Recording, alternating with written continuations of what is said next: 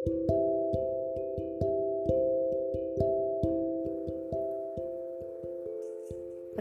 dasar itu hadir dari pola asuh, pendidikan, dan lingkungan bertumbuh.